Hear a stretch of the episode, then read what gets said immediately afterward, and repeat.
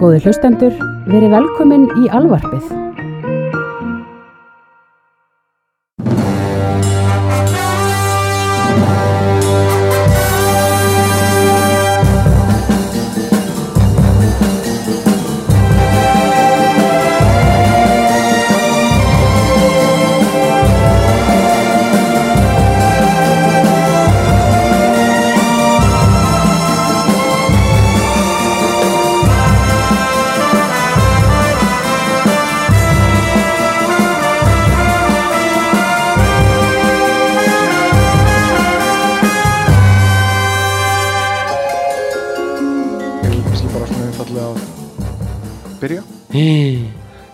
Hefna uh, Matrix, hvernig fílaður Matrix?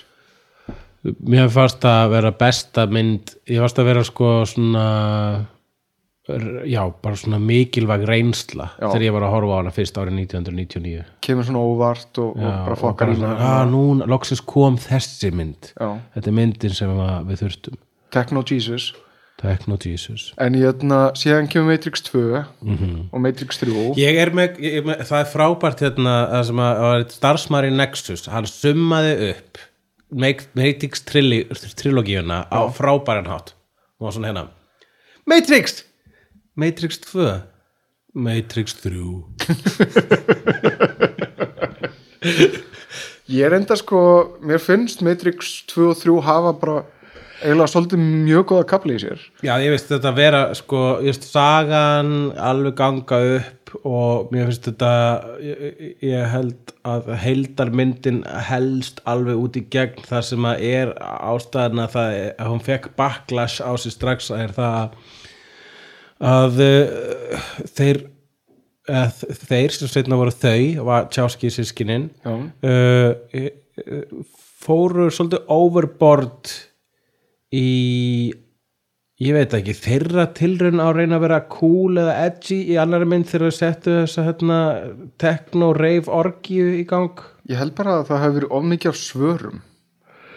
Já, Ég held að þetta hafi verið svona það vantaði einhvern veginn mysteríuna og fjörið úr fyrirmyndinni og í staðin þá bara var það svona verið að dæla út uh, fleiri skringilegu spurningum og síðan fleiri svör. Já, það, það, og, en málega það þeir nefnilega alveg hlóðu utan um hennan heim, það var ein, Animatrix það voru myndasögur, það var alls konar. Animatrix var mjög flott. Já. og ég las líka eitthvað að myndasögunum sem er, voru eftir hinn og þessa fínu höfunda. Ég man las mjög góða eftir uh, David Lapham sem gerir mm. David Bullets og síðan eftir hann Paul Chadwick sem gerir Concrete. Já.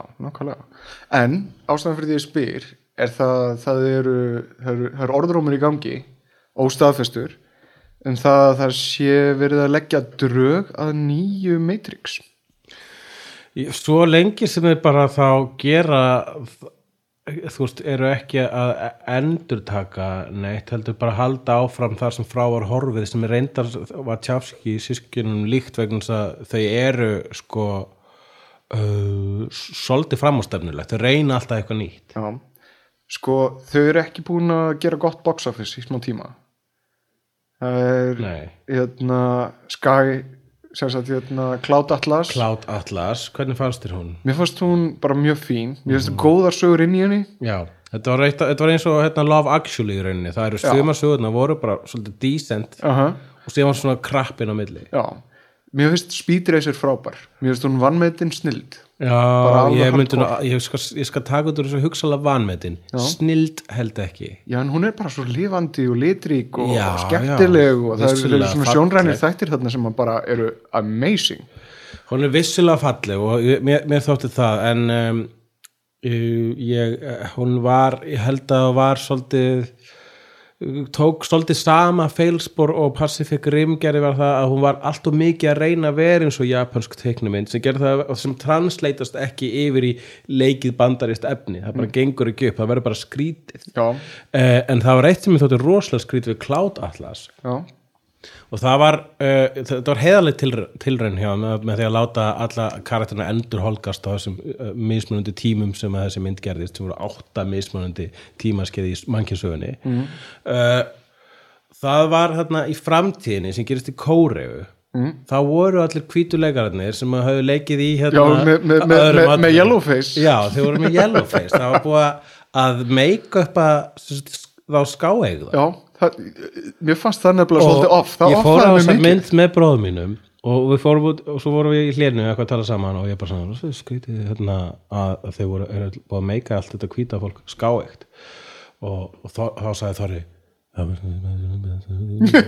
þá sagði Þorri já og það? Hann, hann fattaði ekki eins og þetta átt að vera asíubúar. Hann held þetta var eitthvað geimverureis sem að bjóð þarna með mannkinninu í, í kóruðu framtíðarinnar sem er ekkert skrítið eins og lítu ekki út í- eins og asíubúar og getur ekki gert þetta. Ef þú meikar hvítan mann svartan þá lítur hann ekki út eins og svartum maður hann lítur út eins og hvítum maður með svarta málningu framann í sér. En það er samt auðveldara til dæmis að mika hvítan mann svartan heldur en svartan mann hvítan eins og white, white chicks. Halle Berry var reyndar í hún var meikur hvít í, í einum kaplanum í þessari mynd og það actually virkaði ágætlega. Var það réttlætingin samt? Að ef að þeir ef að þeir, ef þeir gerðu yellow face að þeir gerðu white face líka? Þau. Þau, fyrir ég, ég, uh, það er hérna ég held sko að þessi sískinni eru það sko open-minded. Eða, já, uh, uh, open huga þau eru það open huga að, að þau sjá, þau líta sér svo á þau vita að, að þau, eh, þau sjá, líta sér svo á þau eru með hjarta á réttu stað, þau eru ekki gera þetta neina hatri og þess vegna það er eiginlega afsökunin sem þau nota sko. Vegna sig og ef það er eitthvað rauð þráður í flestum að tjáski myndunum þá er það svolítið hippalegar. Já, nákvæmlega. Það er, þú veist, byltingin og, og, og, og gegn vélinni og, og, og Já, og, Og kerfinu og þessi öllu þessu. trailer úr þessari næstu myndir sem lítur út fyrir að vera sko hérna Channing Tatum með Fairy Years Já, hún lítur út eins og Cloud Atlas ef að Cloud Atlas væri aðeins meira já, framtíðabútarnir og Cloud Atlas eru, það, það, það er voðalega lítill munur á. Og mér finnst hún ekki líta vel út mér finnst hún bara ekki spennandi. Nei, nei, ég er eh, ég, ég mér líst vel á hvað þau eru að fara sínar eigin leiðir og, og myndi ekki væntu það en á sama tíma þá er ég ennþá eins mikið ef ég er að reyna að hætti að vera cynical þá er ég ennþá á cynical í, garð þessarar frásagnar Það er af leið þessu. það er feit flopplikt af þessu. Feit flopplikt að þessu. Við erum hefnendurnir Þetta er fjórði þáttur Er það ekki? jú, fjórið Já, þáttur en þetta er eiginlega femti þáttur Já. vegna sem við tókum upp einu sinni þátt Já. fyrsti þátturinn var aldrei fluttur Nei. vegna þess að við komast að þeirri niðurstöðu að við vorum uh, fyrsta lagi, já, fyrsta lagi í fyrsta lagi komast við að þeirri niðurstöðu að við bara stöðum of umdeldar hluti já, umdilda, ég menna það var ekki beint eins og við lægjum í þessu umdilda dæmi en það var bara ekki kósir. Það bara, var ekki kosher nei, það bara leiti ekki vel út. Ok, hérna uh, ég var, já, ég var næstu búin að segja mjög óviðandi geðingabrandara hérna. En, en uh, ekki ástæðulaustu vegna þess að uh, það sem var ekki kósir sem við stöðum var uh, að við töluðum rosalega vel, sérstaklega ég um Woody Allen Já. í fyrsta þætti. Og þetta var fyrir hið opna bref dóttur hans. Já, ég það er þetta er mjög óþægilegt mál skilur þú veist, vegna þess að þetta eru ennþá góða myndir sama hversu mikil drullusókur hann er mm. þetta en samt einhvern veginn nú er það teintið maður getur ekki Já. horta þar aðeins að fá eitthvað svona pínu svona sko, hún Dylan hún, hérna, hún, hún málar okkur hérna, handa okkur rosalega hrottalega mynd Já. af Woody segir hérna ljóslefandi frásögn af misnótkun mm. og allir sem lása þetta bref sjá þetta hræðilega atriði fyrir sér já, eins mikið og reyna ekki að sjá það fyrir sér. -hmm. ég á erfitt með núna, sko, það þarf einhver tími að líða ef að kannski kannski get ég aldrei hort aftur á Woody myndir, ég efast samt um það. Ég held ég get alveg gegst á þetta aftur. En það er erfitt að tjekka á Woody Allen mynd núna í dag án þess að sjá fyrir sér að hann sé að misnota bann Nei, þetta, þetta var allan ástæðan fyrir því að við hreinsuðum út hérna fyrsta þátt. Og hérna, en við höldum samt áfram að vísi hann endalaust. Já, akkurat, vegna þess að hérna, uh, við, við uh, já, við, við hérna, við er svolítið gott að við byrjaðum með öðrum þætti. Já, það var miklu betri þáttur uh, við aðeins svona já, þorðum við þorðum vorum aðeins hérna æfðari og Mhm. við föttum eftir fyrsta þáttin að við ge- getum talað í mikrofón Já. ég er reynda búin að hlusta núna á þess að tvo fyrstu þætti okkar Mhm. og uh, Mér finnst þetta mikrofóntakni þín miklu betri mín sko já, en ég er búin að stata sjálfum að því að vera rosalega lélegur í íslenskunni í þessum þáttum ég er líka stundum á rástfö og þar passa ég mig meira, ég passa mig greinilega ekkert hér Já, þegar við tölum um nördadót þá fer Já. íslenskan bara já, út um ekki glugga. bara sko sletturnar heldur bara málfræðin. Uh, og síðan líka en, síðan sko e- einmitt einmitt þetta sem ég var að gera núna að segja sko. Sko. Og segja hérna og sloft. Og svo var ég að hlusta þegar ég hlusta fyrstu þáttinn þá held ég að ég hef sagt orðið basically fimm sinnum á einni mínútu. En þú veist þá er að fokka fyrir sjálfur þér akkurat núna vegna þess að núna þá er þetta imprentað í eyru áheyranda já, anskotast núna, núna getur ekki gert þetta aftur vegna þess að þeir heyra bara þegar þú segir sko basically sko hérna hérna basically. Ok, þá ætla ég bara að minna fólk á, á hérna delete, delete. bara svo fólk hætti að hugsa þá ætla ég að minna fólk á það sem Woody Allen gerði. Já, já, það? Já. Vegna þess að svo ímynd, hún tekur allt annað í burtu sko, hún yfirgnæfir allt. Já, nákvæmlega eins og við myndinir hans hún hérna Svo Kate fljótt á Blanchett. svona astanlegan hálan í þessum þáttu já, Kate Blanchett, hérna, þakka hann fyrir handrit. Var það umdelt þegar hún var að taka við Óskarnum? Það, ég, það va- vokti ekki umdælu ég held að fólk mér, gerði þetta mjög sneklega hún hérna bara svona skaut hann inn í og var síðan fljóti að fara yfir eitthvað málefnilegra Já. en það er hún Blanchett okkar uh, klassíkona hún er klassa kona. Uh, hvað er að gerast? Hvað er að gerast? Ég er með eitt. Fyrir, hvað er að gerast? Já. Ég var að lesa uh, fór á svona boxofficemojo.com já, sem að ég veit ekki hvort það sé al box office síðan. Ég fylgist ekkert mikið með sölutölum á kvikmyndum. Ég sjálfur nota það hana aðalega. Hún hún er mjög þægileg. Ok, uh, þar ég var bara að sjá hvernig þetta virkar og þar kemur ljós, er flott hérna, flott fyrirsögn. Neeson beats Jesus að þú ert að minna þess að Son of God mynd Já, sem er að Son koma. Of God sem að enginn veit að er til nema allir sem eru sannkristnir sko. ertu búin, að- ertu búin að sjá trailerin fyrir hana?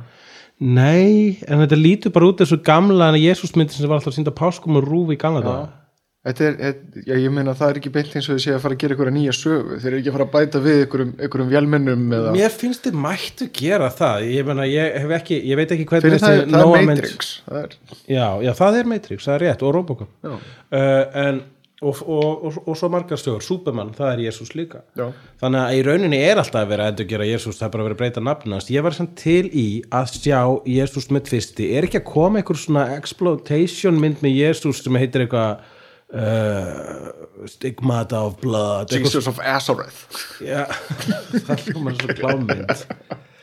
Nei, hérna, uh, nei, meina, síðasta alvöru klámynd.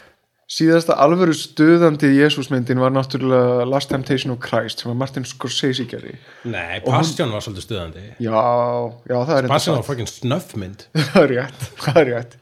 Þess, þetta eru tvær skilur stuð Jésúmyndinar það sem að það gerist eitthvað eitthva, eitthva meira heldur en bara, þú veist uh, ég, el, ég, ég dyrka finnst hún svo simpul hún er svo, hún er svo sterk. Hún er samt og- þetta er er- er bara fucking klám sko. Já, ég veit hann, þetta er alveg hvað, þetta er klukkutími veist, af þetta er- er konungur torturpornstins sko. Þetta slæður út hostel. konungur torturporns Þetta slæður út hostel, þetta slæður út svo. Þetta er bara brútal svona blóður viðbjöður út í gegn. Passion of the Christ, a Serbian film. Ég hérna uh, já en hvað ætla ég að segja? Já, Já, Son of God Nýson ætlar, að- sigra Son of God já hann, er, hann var að sigra Son of, hann var að hrinda Son of God af, uh, af uh, Galgóta hæð, hvað heitir aftur? Er- Golgata. Golgata, Hauskúpuhæð. af fjallinu, af topnum um, með, hljó- með hérna, myndinni sinni non-stop sem er svona speed um borð í flugvél með Taken karakterunum, nema ekki Taken karakterunum Er þetta ekki bara taken í flugvél? Taken í flugvél, það er alltaf verið að hérna, alltaf verið að gera fleiri og fleiri Taken myndir, ég var svo trailerinn að nýja myndina Kevin Costner sem er nákvæmlega saman Taken. Og ég bara, þetta er alveg svo Taken. Og svo kom svona rætt, from the makers of Taken. Er þetta orðið sjanri? Já, sjálfur eh, eh, þetta, er eh, svona subgenre af revenge drama myndunum. Er, er, er Liam Neeson nýji Sylvester Stallone slash uh, Liam- Bruce Willis slash Arnold Schwarzenegger? Liam Neeson er allavega með Taken. Já, hann endur skapaði actionhetjuna já, frá því að vera bara með einu að breyta að, ek- í stað þess að vera með one-linera þá eru monologar. Já það er gott move það er mjög gott nú þannig að núna það er ekki, þú veist, það er ekki lengur actionhetjan kýlir eitthvað og segir eins og Sylvester Stallone stick around eins og hann Ar Arnur Svarsnegar gerði heldur er bara svona Listen to me. I know don't know who you are. I don't know what you want. But you're looking for ransom. Rabba-dabba-doo. Diddly-dee. I got very specific special skills. Blah, blah, blah. I will find you. eitthvað hana gefur hann löng ræða og mér finnst það fallegt og það eru grein og, og svo er nú Kevin Costner að reyna að fylgi og, og þetta action heituna orðin miðaldra orðin pappi Já. vegna þess að action heitan er raunin að vera meira og meira úrælt þessi Kevin Costner mynd virkar á mig eins og blanda milli Taken og In the Line of Fire þannig að uh, Clint Eastwood myndin þar sem hann var rosalega gamall lífverðu fyrir já. fórsetan það er, þetta er ákveðin sko, þetta er, ég myndi segja þetta séu sko svona post uh, midlife crisis myndir Mm.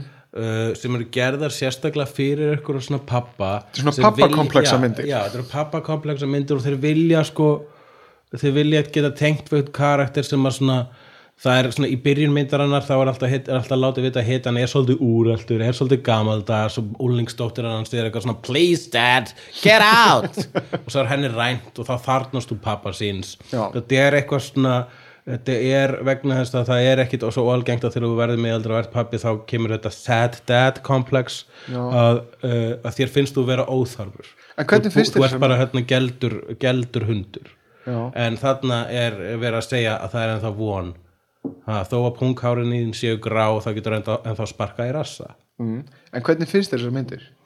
Mér fannst Taken frábæri, ég hef ekki þóra að sjá Taken 2 eins og ég heist náttúrulega glötuð. Já, ég á eftir þess að Taken 2 uh, uh, ég finnst þetta bara algjörlega valid uh, dæmi, ég var til í að sjá hérna, ég var til í að sjá hvern útgáfuna á þessu, ég er að hérna, maður, það er að koma allavega hvern útgáfa af Expendables. Expendables, það er sko yktasta dæmið af þessu pappakompleksi það er midlife crisis í sínu sterkustu mynd. Expendables er saumaklúpur Já. Expendables eru gaurar sem get ekki leng, er ekki nóg, lengur nóg mikilvægi til að halda upp einn mynd sjálfur Mm. að þið þurfa að mæta saman svona 12 til 14 og gera eina actionmynd og allir fá svona 5 mínútur vegna þess að það er það eina sem að hinn nútíma áhörðu þólir af þessum típum í dag Já, ég veit að þetta keirir svo mikið út á nostalgíu áhörunduna líka, þetta er, það er fólk sem er horfir á þetta vegna þess að, á, þetta var eins og þetta var í gamla dag, svona fallegt Snild, svona eiga myndir að vera.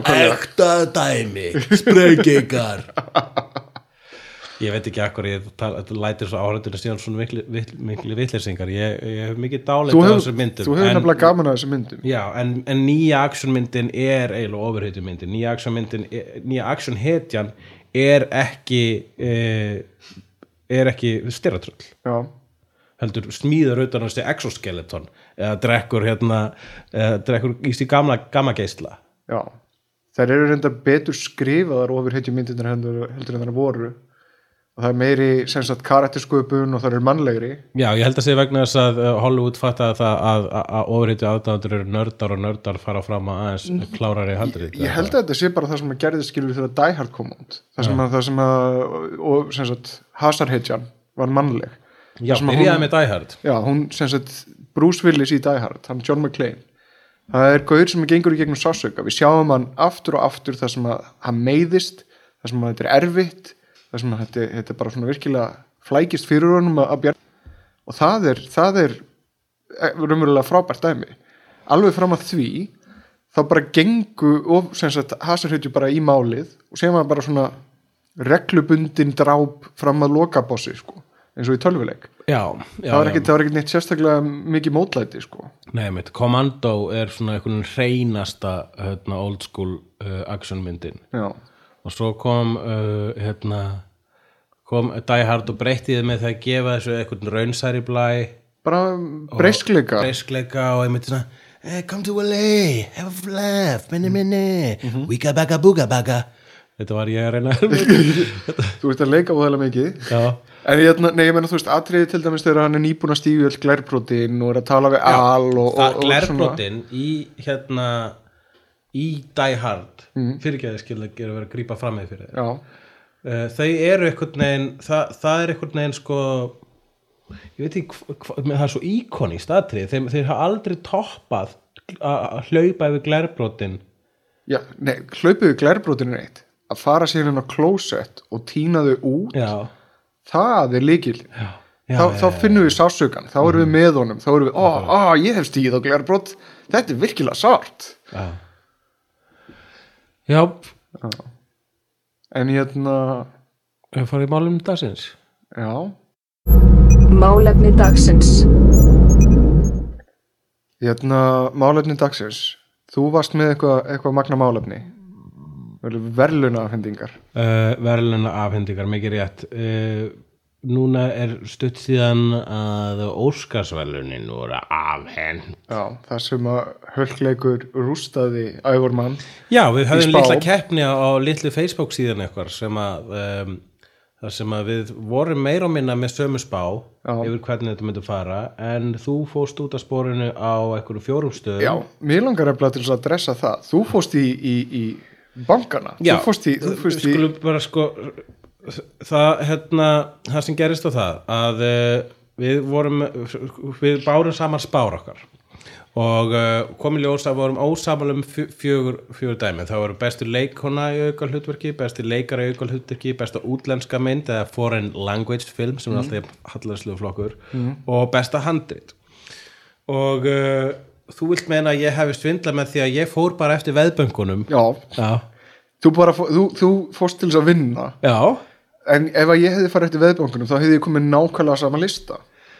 Já, en meina þú sagðir til mér að besti leikari myndi vera Matthew McConaughey þó að þú vildir að eh, Leonardo DiCaprio myndi vinna. já, en það var samt spá Já, ok, þannig að þú spáð en, en það, ég fór ekki samt á veðbanka en ég hafði heyrt þessu fleikt sko, ef ég er að fara að veðja um eitthvað að, þá fer ég bara fer ég að tekka á hver, hvað mestu líkut. það hefði verið miklu fleiri feilspór hjá mér ef, ef, ef að ég hefði farið algjörlega eftir, eftir því sem ég hefði viljað. Uh, en ég var að spá, ég var að reyna að spá Þú varst að reyna að spá, það var hérna, Jonah Hill var mikið longshot í leikara aukarhlutverki, sko, að hann á það alveg skilið. ég held að þarna hafi svolítið uh, kerti yfir um löngun mín til þess að, hann myndi vinna Já. mér fannst Wolf of Wall Street ekki fá þá ást sem hún ætti skilið Já, en, uh, já en, en samt, ég get aldrei tekið alvarlega ef að, allar langt síðan tók ég alvarlega ef að myndin sem ég elska mest fær enga aðtekla óskarnum. mm. Goodfellas, Pulp Fiction Já, og það er bara, það er bara, það, það er bara hluti af hefðinni að besta myndin vinnur ekki. já, Og uh, þetta er, uh, þetta er kostningar sem þýðir að þetta verður, sko, það, þetta er sko saman söfnuð atkvæði sem þýðir að það verður eiginlega meðalmennskan sem vinnur. Eða það sem þykir líklegast sem að er svona einhvern veginn móðins þá. hefur hefur einhvern tímann hort aftur á Shakespeare in Love Nei, en ég, mér finnst það bara decent mynd, en mér finnst það ef það ekki einu svona átt að vera tilnefnd. nei, bara alls ekki uh, en hérna hvað ég vildi sagt hafa uh, það í, í ár þá var það 12 years uh, a slave sem vann ég horfði á hana í gær mm. áður en ég horfði á Óskarsverðina afhendinguna og mér fannst það mér fannst hún vera tildulega svona, svolítið hefðbundin mm. Og raunin svolítið dæmikjar Óskarsverðina mynd. Og þess vegna var ekkert skrítið að hún vann en mér fannst líka mjög gott að hún vann vegna þess að það var eiginlega bara komið tími til að vegna þess að það er bara þannig. Manstu eftir, hversu mörgum þrælahaldsmyndu manstu eftir úr Hollywood?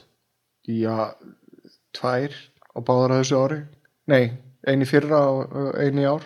Já, og Amistad. Já, og Cry Freedom? Cry nei, Freedom það- nei, hérna, hvað heitir uh, Roots, þarna Já, míniserja það var sjóarp já, Cry Freedom fjallar náttúrulega um, um hérna, hvað heitir hann, Biko eða eitthvað í Suður Afríku Svo var uh, hérna, Glory, var hún hún var svona þræla stríðið? Já, uh, það voru svona þú Það eru veist, svartir... þræla stríðismyndir. Já, svartir um hermenn hvítar hetjur í þrælastriðinu heldur um þræla haldsmyndir. Já, og þetta er einmitt bara, þetta er vandræðilegt og þess vegna var bara komin tími til að, að hérna, verðlauna eina eina feita þrælahaldsmynd til að opna síðan dyrnar fyrir fleirum vegna þess að þetta er sko þjóðverðar eru byrjar að gera myndir um Hitler og helfurina og, hérna, þess vegna, og, og það er löng þeir, og þeir eru hérna og, og bandaríkinn bara fá miklu meira forskot til að adressa sína helfur sem er þrælahaldið. En í uppafs hérna, monológnum þá segir hún hérna, Ellen að uh, sem sagt 12 years a slave eftir að vinna bestu mynd. Og þið hafið öruglega kosið fyrir hana akademíumöðli Já. or you're racist. Já, það eru tveir möguleikar sem munu gerast í kvöld. Tvelvi sem sleifum mun vinna eða þið eru öll rasista Já.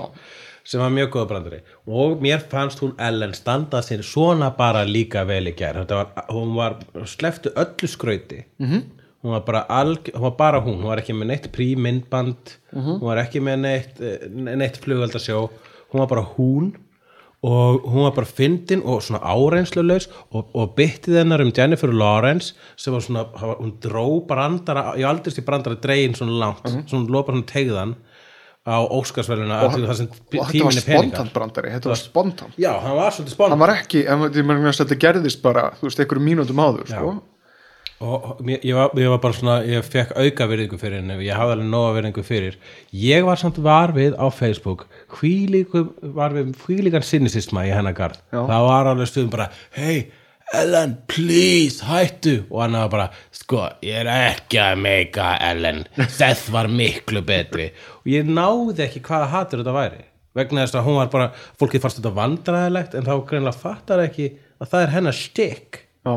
Nei, ég menna þú veist þetta Ég held fannst að hún, þetta að veri sko humor virgins sem voru að, svona cynical já, mér fannst hún uh, látlaus, mér fannst hún fyndin, mér fannst hún örug mér fannst hún spontant. Já, bara út í gegn. Þá Pollróleg. var þetta ótrúlega, ótrúlega fín framkoma Já. og góður kynir mér finnst hún bara bara standa sér einmitt. Einhver á Facebook sagði, hérna, ég sakna Billy Crystal. Ég sakna ekki Billy Crystal. ég sakna ekki Billy Crystal. Billy Crystal kom þarna aftur fyrir tveimur árum. Mistök. Ég ætla að henda hérna hundrakall í hipsterakrökkuna fyrir hönd þessara sínisirka Já, liðs sem getur ekki, getur ekki notið þess að sjá neitt sem er skemmtilegt hipsterar er sem af því er ekki hér til þess að, að, hérna, að henda hundrakalli í Shame. hipsterkrökkuna þeir fá tvo hundrakalla í hipsterkrökkuna fyrir að vera með þetta- rugl í gangi. Vegna þess, Billy Crystal really, hann er frábær. Mhm. eða varðað, svo kom hann aftur var ekki tvö ár síðan, tvö, þrjú ár síðan? Já, var, þá var hann, hann var bara búið. Kom, hann var hann, ekki lengur með þetta. kom hann á undan eða eftir hérna, uh, Anne Hathaway hérna, James Franco fíaskonu ég held að hann hafi komið á undan, ég manna ekki. Já. það var mikið fíasko en það var eitt sem var meira fíasko það var þegar að Billy Crystal var þarna Mm. þá hérna var hann með svona einmitt, uh, ég man þetta var sama ár og uh, Midnight in Paris var sínd ok, og var tilnæmt og þá var hérna hann hefur alltaf verið þekktu fyrir að geta gert góða Sammy Davis Jr. eftir hermu. Ok talandi um blackface já, hann var með blackface í svona upphásvídeóinu hann loksist bara, ég er búin að vera hefði til Sammy Davis Jr. allt mitt líf núna ætlum ég að fara alla leið. Og hann lit mála sér svartan Já. og var svona, hey, what's going on? Og, og, er og, það, og það, það var bara svona skrítið vandræðilegt moment. Já. og svo var hann með svona sketsa þau voru allir dated. Þau voru allir sko um kvikmyndi sem kom ekki það ár og eitthvað svo leiðis húmor er bara svo lífandi fyrirbæri. Þú getur ekki getur ekki haldið áfram þegar þú ert svona gamall. Það, það, það, það, gerist eitthvað. Þú, þú missir tengslin við áhörunduna en síðan reyndur, síðan reyndur og Óskar ferði blackface. Já, fer í blackface og þá bara, herra, við skulum ekki fá gamlan offensive gaur, fáum ungan offensive gaur og, náði í Seth MacFarlane sem ég fast standa sig mjög vel. En hann var allir miklu musla með því að vera uh, það sem heitir sexist eða það vildu, vildu ekki meina að sérstaklega þetta lag hans I saw your boobs var gífulega sexist. Mér fannst það ekki, mér fannst það vera actually bara gott komment á Hollywood. Já, eitt reyndar, það virkaði sexist vegna þess að viðbröðin hjá leikonunum voru svo frábær. Og en það þau voru margir á Facebook sem held að viðbröðum voru alvöru. Já, nákvæmlega, þeir föttuðu ekki að þetta var skriptið. Já.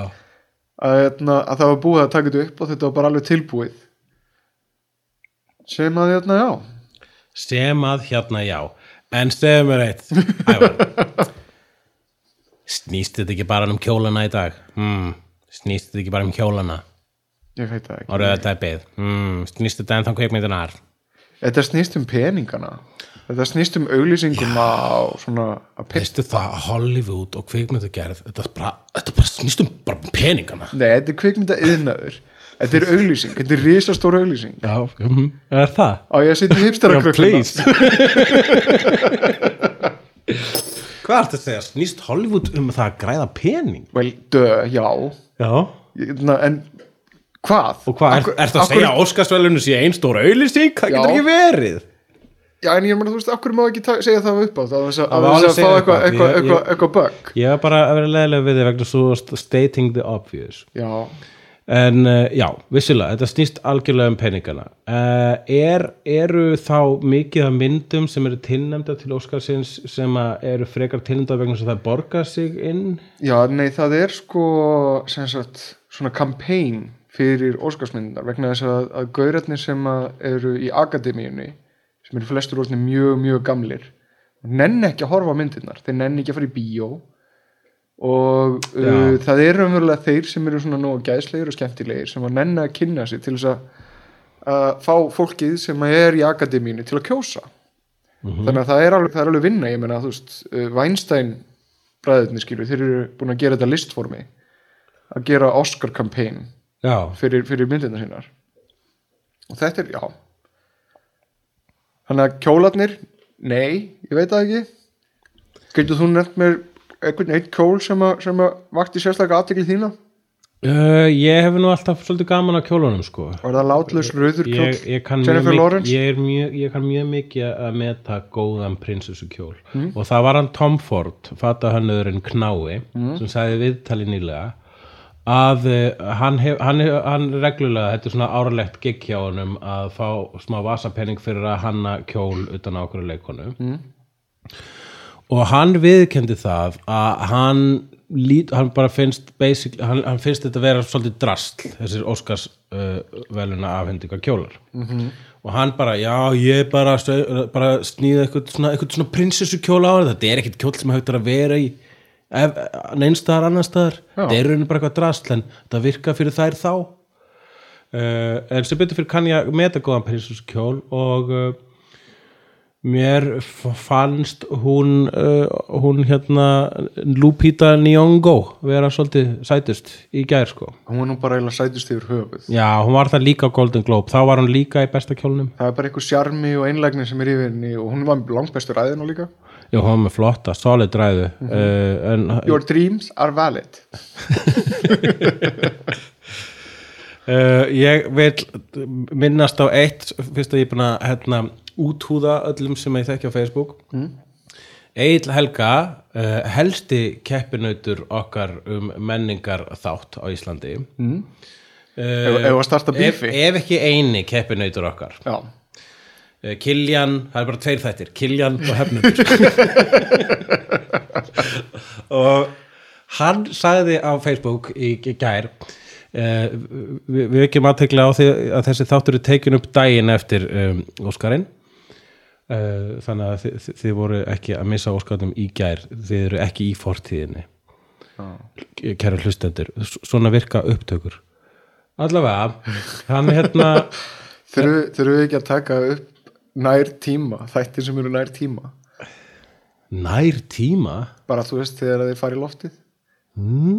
nei, fuck it, við erum að tala, erum að tala um þetta abstrakt koncept Egil. Helgason er á Facebook að meðan Óskarsölun er í gangi og hvað er hann að segja? og það er hérna, kemur hérna smá hérna, kemur hérna smá um það að það hefur verið sko honorary, það er alltaf á undan Óskarnum þá er honorary Óskars uh, afhending, það sem allir sitja við borð og það er meira svona kamá og fá svona nokkrir, ég man að Roger Corman fekk sín uh, langþráðu verðlun þar sem hann átti skilið Já. uh, Steve Martin fekk þau núna ásand ykkur um öðrum, en Steve Martin fekk þau þá skrifar Egil Helga fílistínin sem hann er að Steve Martin hefur aldrei verið vitund fyndin nei, Jú. Nei, skammastu þín Egil Helgason. kjaftaði og þú kallaði menningavita.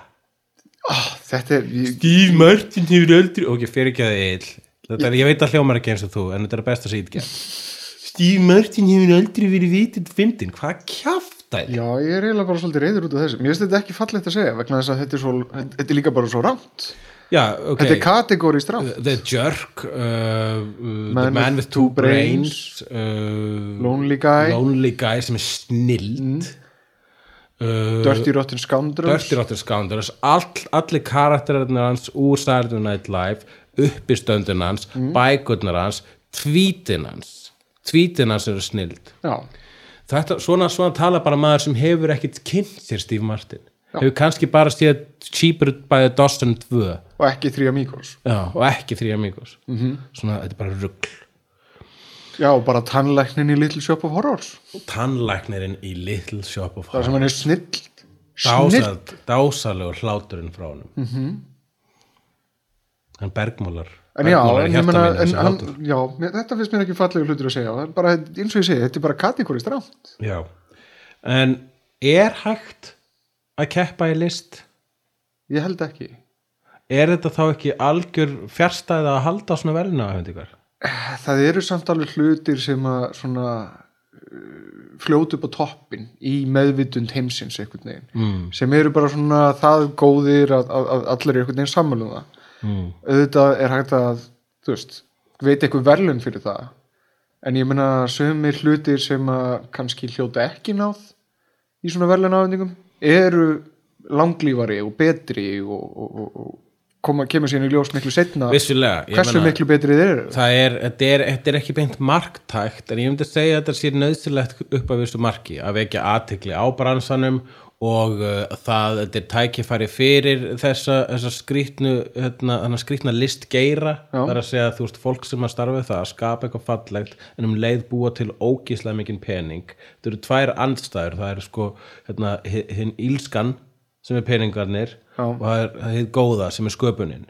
Og þetta, það er það sem að Hollywood er.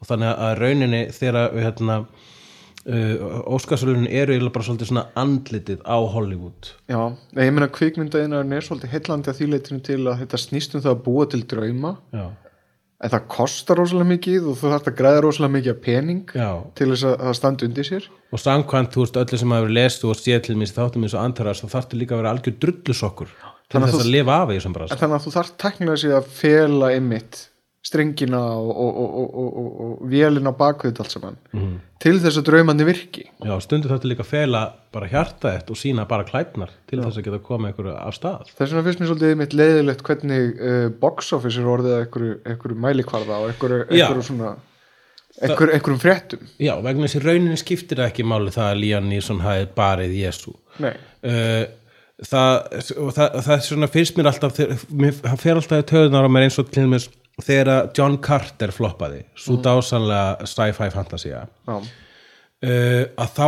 gerðu allir ráð fyrir að hún var léleg.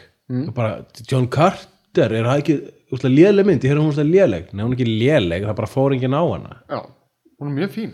En fólki byrjar að setja þetta einhvern veginn saman. Að mynd, að það að mynd floppar sko í box office er að saman floppið kritikali Já, hún reyndar floppaði pínu kritikli líka. Er það? Já, ég held að hann hafi ekki fengið neitt sérstaklega góða dóma, hún fekk svona mjö dóma.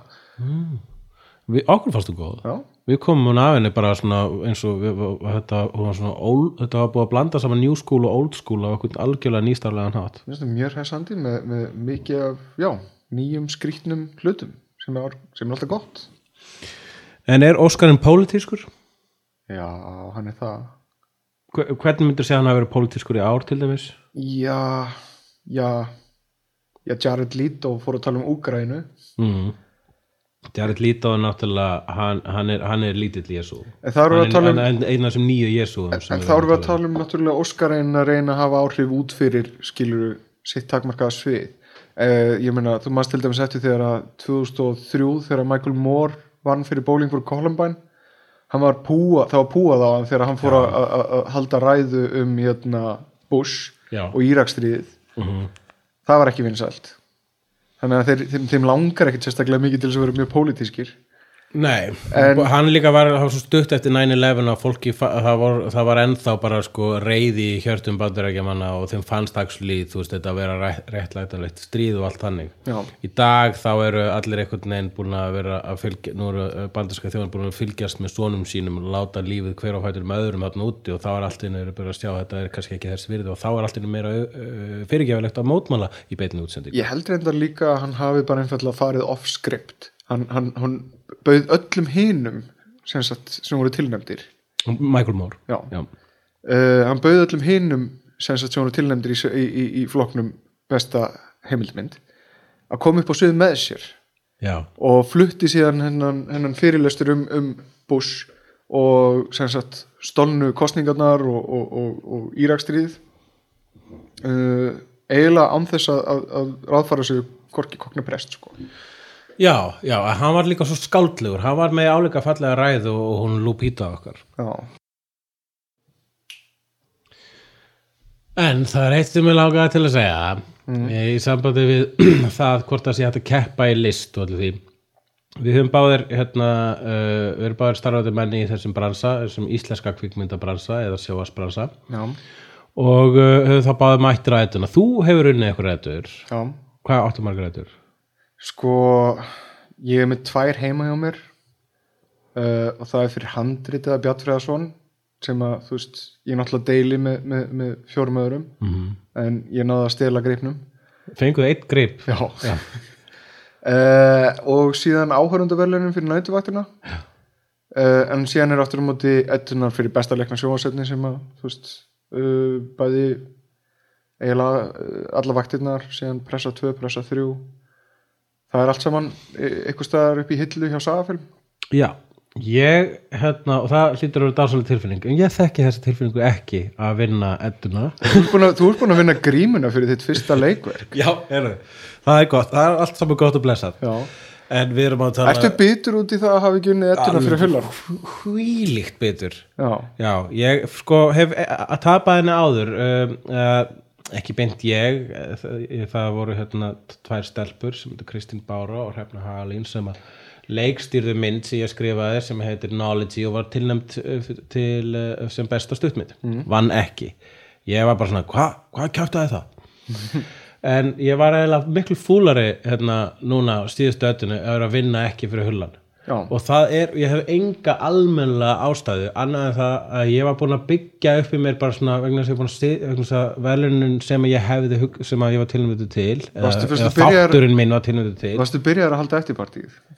ég byrjaði sko að skrifa ræðuna Já. í hausnum á mér vegna þess að með fullri fyringu fyrir öllum í þessum bransa Já. var þetta ókíslega leðilega hátíð og var satanda og það, er, veist, og það hefur ekkert að gera með það sko, hún, hún hérna Ólafía Hrönn var mjög fyndin og, uh, og hérna og fullt af hérna, skemmtilegu fólki hérna og uh, uh, og ég, tók ekki svona eftir í allir kynarnir varu konur sem að ég klappa sjálfum mér á baki fyrir að vera kynblindur en það var eitthvað, var point með því.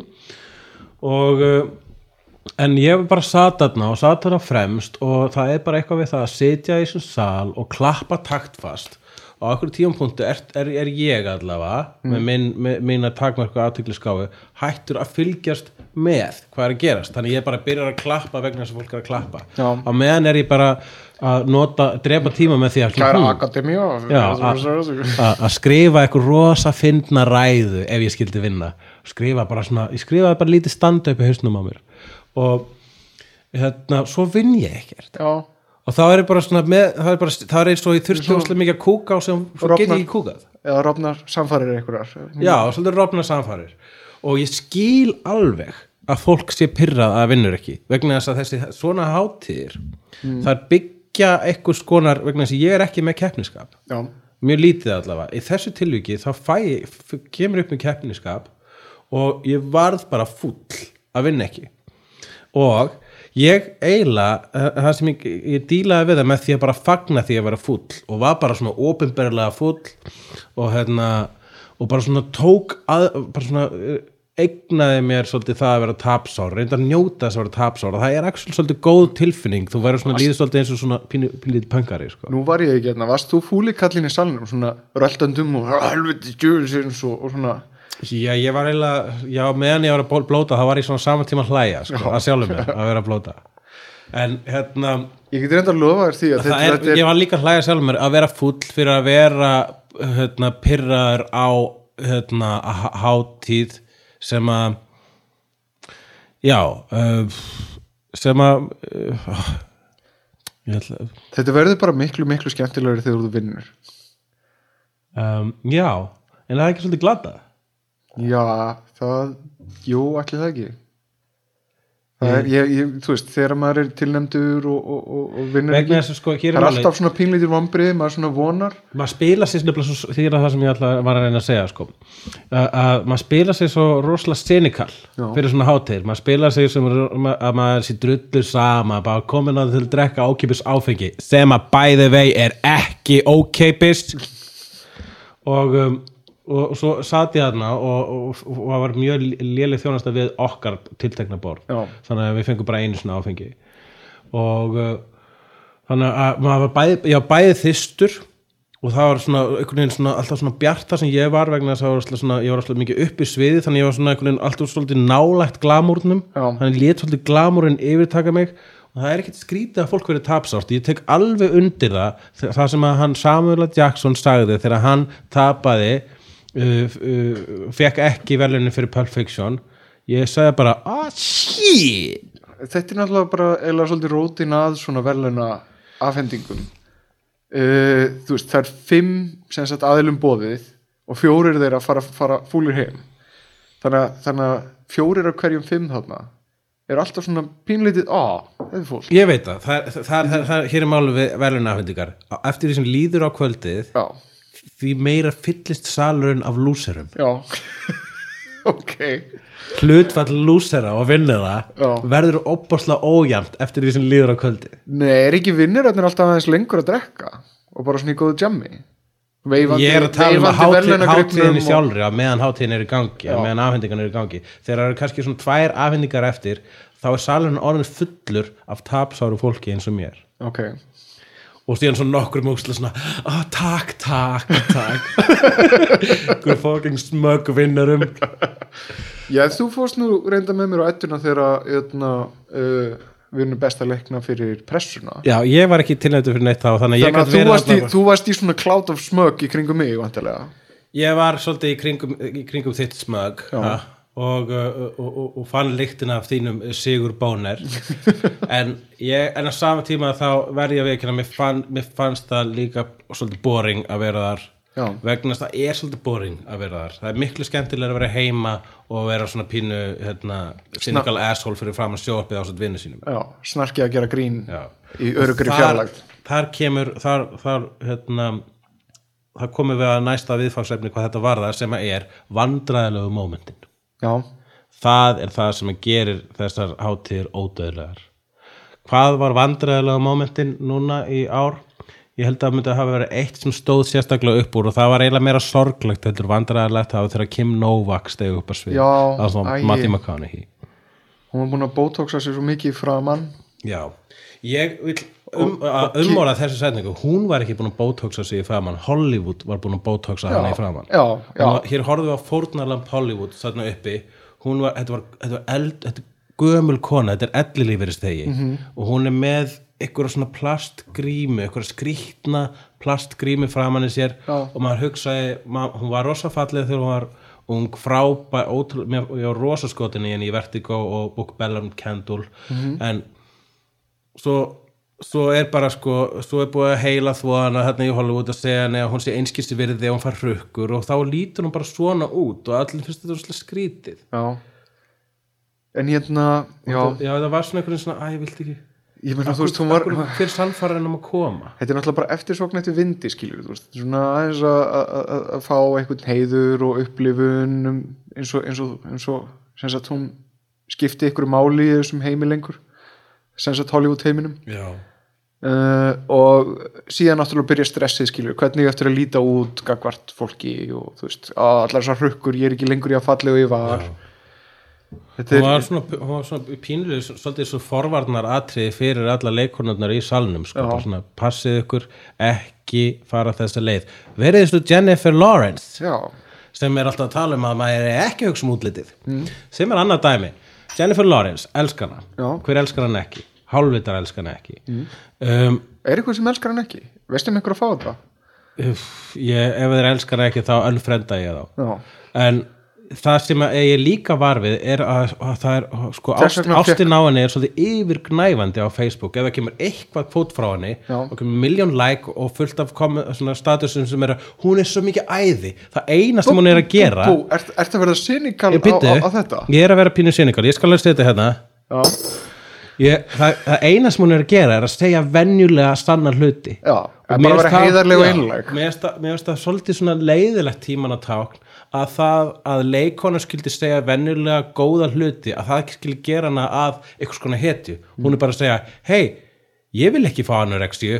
Já, flott hjá þér! Já, það vill enginn fá anorexíu. Finnst þér ekki skrítið að búa í heimi þar sem að, þar sem að klöppum fyrir svona? Já. þegar konur eru, eru bara eðlilegar og, og kammo það er pointið mitt. Það er að hún sé fyndin og hún sé að segja hei, ég vil bara fá mér samlóku og allir bara, hún vil bara fá sér samlóku eins og venjuleg kona. Op, hún er mennsk, hún hefur meldingafæri auðvitað vill hún fá sér samlóku það er ekkit merkjöld sem hún er að segja. Já, en engar stíður þá er hún hetja vegna að hún er að segja þetta í það fókt upp heimi. Já en hún er, hún, er, hún er reyndar líka goofy og fyndin og með gott tæmi. Já, já, það er það sem að lætur mig að Já. Það er það, bara hún er er ekki frábær taka það frá henni skilur að, þótt að hún segir ný, ný, ný, ný, það er, ég er ekki að gera það. Þú, já. En ég já, nei, ég er alveg hardcore í aðdándaklubnum minna Jennifer Lawrence og einmitt út af þessum hlutum sem þú er búin að nefna. Finnst þetta ekki svolítið nördakrútulegt við fá pínu nördakikk út úr því að, að Mystique er að data beast. Það er ekki svolítið. Þessi Jennifer Lawrence, kærastan hennar er Nicholas Holt sem leikur Beast í X-Men og hér eru bl tveir bláir mjútantar að deila, deita hvern annan. Mjög glæsilegt. Uh, Vissir þú að Nightcrawler annar blár mjútant Já, er sonur Mystique? Nei. Hann er það allavega í blöðunum ég veit ekki hvort að það hefur einhvern veginn verið afgreitt í myndunum hann er sko hérna, bara, hann er sko útburðurinn hennar. Hún egnaðist hann og hún bar hann út og, og, það, og fór hann í sirkus. Sirkusfann hann. blátt maður. En hún egnaðist hann ekki með hérna Beast heldur með uh, mjútantið sem heitir, ef ég mann rétt, Azazel og sást í First Class var hérna, mjút, rauði mjútantið sem Jason Fleming lék sem var svona eins og Nightcrawler með sama mjútant power nema var rauður Já, já, já, það er pappi það er pappi Nightcrawler. Já. En, best og vest Best og vest. best og vest og Óskarsveluna mynd. Uh, ef að byrja á bestu það er mikið að velja. Það er, það er, það er, þetta er stór listi af virkilega fínu myndum um, það er eiginlega tvær einhvern veginn sem að tróna efst í mínum huga. Og það er uh, Unforgiven. Já, eftir Clint Eastwood vegna þess að hún er bara alveg frábær og, og, og, og svona einhvern veginn setur vestran í nýtt form og, og, og gerir hann meira svona brutal og, og, og meira power í honum. Og síðan er hinmyndin er Silence of the Lambs ok. Mér finnst hún eiginlega bara það glæsilega smíðuð. Auðvitað er tónn á öðrum frábæra myndum hann sko. Já, ég, Silence of the Lambs er há, þarna hátt uppi hjá mér. Og hún, hún sérst er að kljást hún er að glíma við Unforgiven á þínum lista. Já, það sem er vandræðilegt við þetta er það að þetta er væntalega tengt ykkur svona bíó upplifunarskeiði hjá mér vegna þess að þetta er 1991 og 1992 Já. sem þess að tvær myndir eru í röð Við megum alveg takmarka, takmarka þetta við okkar bíóreynslu Já, en þetta er þarna, þarna er maður að gangi í gegnum ykkur sem sagt, uh, cinematíska upplifun og hérna og, ja, sterkar og áhrifaríka myndir. Ég held að ég myndi setja Amadeus svolítið hátt. Já, hún er hún var frábær. Og, og það er það, hún er líka sko hún er svo Óskarsveluna leg og ég man mér þess að það er fyrsta myndin sem, Óskarsveluna myndin sem ég held ég hafi séð ég fór á hann í bíó því ég var pínlítill patti. Ég var þá dregin í bíó bara vegna þess að ég- það var ekki, var ekki pössun. Ég var bara settur á okkur myndi sem ég skildi ekki. Ok, mamma var lögum bara átt að segja á því að ég held kefti í bíó. Og ég, og ég sá og hérna, áður en ég sá hana þá sagði held ég mamma við mig já, við erum að fara hérna á Amadeus, það er velunamynd og ég held að velunamynd væri myndir sem að karakterir vinnur velun í. Já, alveg svo Star Wars er gemmynd, það gerist í gemnum velunamynd er mynd um velun skemmtilega tengt þemanu þarna. Já, uh, en ég, hann vann ekkit mikið að velunum í þeirri mynd. Ég myndi setja hana sem mína svona uppáhalds, ég held að hún fari á toppin Amadeus, mér finnst hún alveg dásaleg, sko. Ég er alveg meiri, þó að, sko, ég sé meira horrormynd á gaur og ætti þess vegna að vera meira hliðhollur Silence of the Lambs, þá er, þá er Amadeus mín uppáhalds. Nei, meni, ég get talið upp alveg endalausan lista af frábærum myndum sem að, þú veist, ættu tæknilega sé að vera hérna á Bridge on the River Kwai uh, The Apartment. No Country. Já, No uh, Country er sko eiginlega einn óheðbundnasta mynd sem hefur unnið Óskarinn á síðar árum. Já, og hún er pínur svona, hún er svona dark horse sko, já Síðan er The Godfather, mér varst þið Sting frábær. Stingræði uh, One Flew Over the Cuckoo's Nest sem að er bara mestaraverk Já, þetta er erfitt. Við erum náttúrulega að tala um svo margar góða myndir en, við, en við, það er eiginlega skemmtilega þá að velja hérna verstu. Ég hefði nefnilega sagt til dæmis Annie Hall sem bestu. Já, eða hefði ekki verið fyrir, fyrir hérna, fyrir, The Woody já. Er það sem við ætlum að kalla hneykslið? The Woody. Það er ræðilegt það er ekki, það er það er hræðilegt. Það er mjög, mjög slæmt. Um, ég myndi segja að verstu Óskarsvelunum myndir við erum náttúrulega að tala um þær myndir sem hafa unnið Best Picture. Ég myndi segja þetta hérna, annarkvort Beautiful Mind eða Chicago. Það eru bara svo mikið drast. Ég hallast að Chicago. Chicago er hún, hún er, hún er ekki eins og bíómynd. Hún er tekin upp á leiksviði. Hún, upp, leik, hún lítur ekki út fyrir að vera í bíó. Ég sko reyndar, ég get eiginlega ekki sagt Chicago vegna þess að ég hef bara blakkað út yfir henni þrís og fjóru sinnum á minni ég hef reynd að horfa hana. Ég hef ekki, ég hef ekki ennst út Mér finnst myndina bara skrítið að reynt að horfa hana þrís og fjóri sinnum. Já, ég finna þú veist, Óskars veluna, maður verður. Já, ég, sa, ég hef ekki séð allar ósk, ég sá ekki Crash til dæmis, en mm. það, trailerinn var preachy, ég get ekki myndið hvernig myndin var. Já Já, ég held að já, Trailerinn var, það er ljótt að vera rasisti. já er, En aftur að Chicago, leiðileg Leðilega, já, en Beautiful Mind var, var svo mikil klísja. Góður performance á Russell Crowe samt. Já, uh, sko, hér kemur þetta hérna, dæmi sem að er svolítið umdeilt hvað varðar að vinna besta performance í Óskarnum. Stundu vinnur bara vegna þess að hlutverkið þitt er eitthvað. Eins og, hérna, eins og Forrest Gump. Uh, það er engin vandi og ég ætla núna að fara að hála nýs. Það er engin vandi að leika greindaskjæftar mann.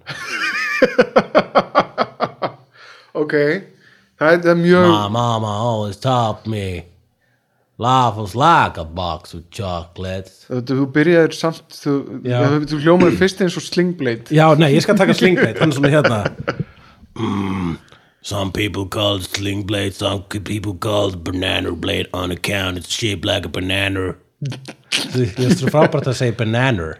Ef þú getur, ef þú getur tekið þessa Ég skal rödd reyna aftur, ég skal reyna aftur Forrest. þessa rödd sem að, hérna, með Forrest línunni Life is like a box of chocolates. Never knew what you could get. Óskars, þetta er Óskars performance Some some pieces of, some pieces of coconut, other pieces of banana. En, hérna, I may not be a smart man, but I know what love is. Það finnst mér reyndar rosa fallegt atriði í Forrest Gump. Til að segja þetta. þetta er Ég Forrest segi Gump þetta er- alltaf við stelpur. I may not be a smart man, but I know what sex is. Segi ég. já, afsakið sem sé hann, uh, Jared Leto vann fyrir, vann Óskarinn í gær fyrir að, eða um daginn um daginn. Fyrir að, hérna, að leika transgender mannsku já, og uh, og margir vilja meina að hann vann bara vegna þess að hlutverki hans var svona hérna, augrandi hlutverki hans var tíman að tákna hlutverki hans var uh, nöðsilegt að, en rauninu performansi sjálft vann ekki velun þannig að það er tæknilega síðan að vera að veita verðlun fyrir hlutverkin frekar en performancein Ertu að meina það? En, al, mér- þess að, fólk hefur sagt það sama þegar hérna, hann, hann, eh, Tom Hanks vann fyrir að leika eðnisjú Ætti þá ekki, ekki handritsföndurinn að fá þessi verðlun? út, út samkvæmt þessu. En þetta er bara það sem er sagt og það er ekkert að sanna þetta neitt. Þetta er bara svona grunur. Já, þetta er bara það sem að Cynics segja. Þú ert seiningin í þessu ég er. Cynicin í þessu tilviki. Eh, ég er, ég er ekki svona viss hvort það sé statt eins og ég er ekki búin að sjá Dallas Buyers Club. Ég er viss um hans í flott. Já, uh, hérna hvað ég vildi sagt hafa ok, þá er a- hjá mér er það Amadeus Best Chicago West. Já. Og hjá þér er það uh, Ég ætla að segja Silence of the Lambs Best. Og ætli Chicago sé ekki vest líka? Já, hún er svo slæm. Hún er alveg hræðileg. Hún er svo slæm.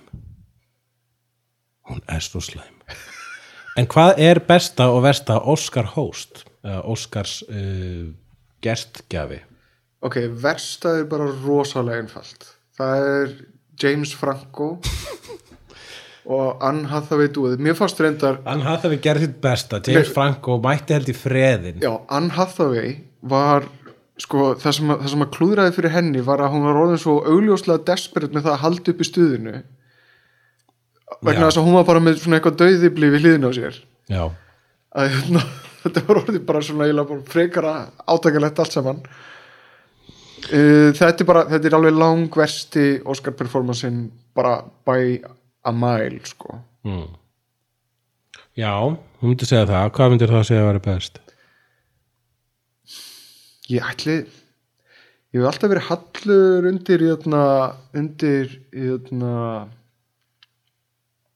hvað heitir hann aftur? Dave Letterman í alveg, hann fekk svo slæma dóma fyrir sitt dæmi, já, mér fannst bara hérna Sockmonkey grínið. Ég- bara gott, gott stöf. Sá þetta ekki en uh, ég, ég veit að David Letterman er fyndið maður þetta, ég, ég heyrði þetta bara að hans New York grín hefði farið illa í LA sal. Já, þetta var bara, þetta var súrt og fínt grínskilur og hérna uh, hann var aðalega að vera fyndin en ekki, þú veist, host.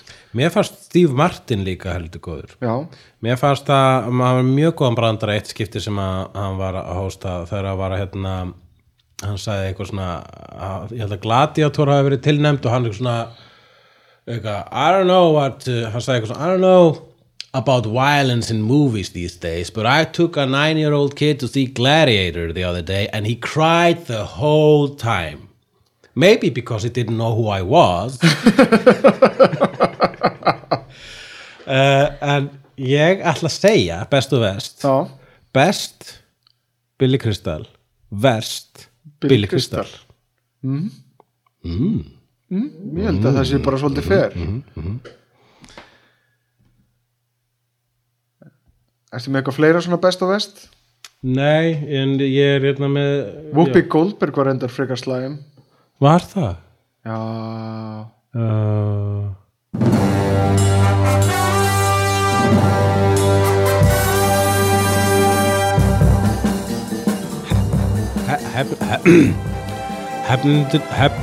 Hefnundurnir voru Jóhann Ævar Grímsson og Hugleikur Dagsson. Upptöku stjórnaði Sigurlaug Gísladóttir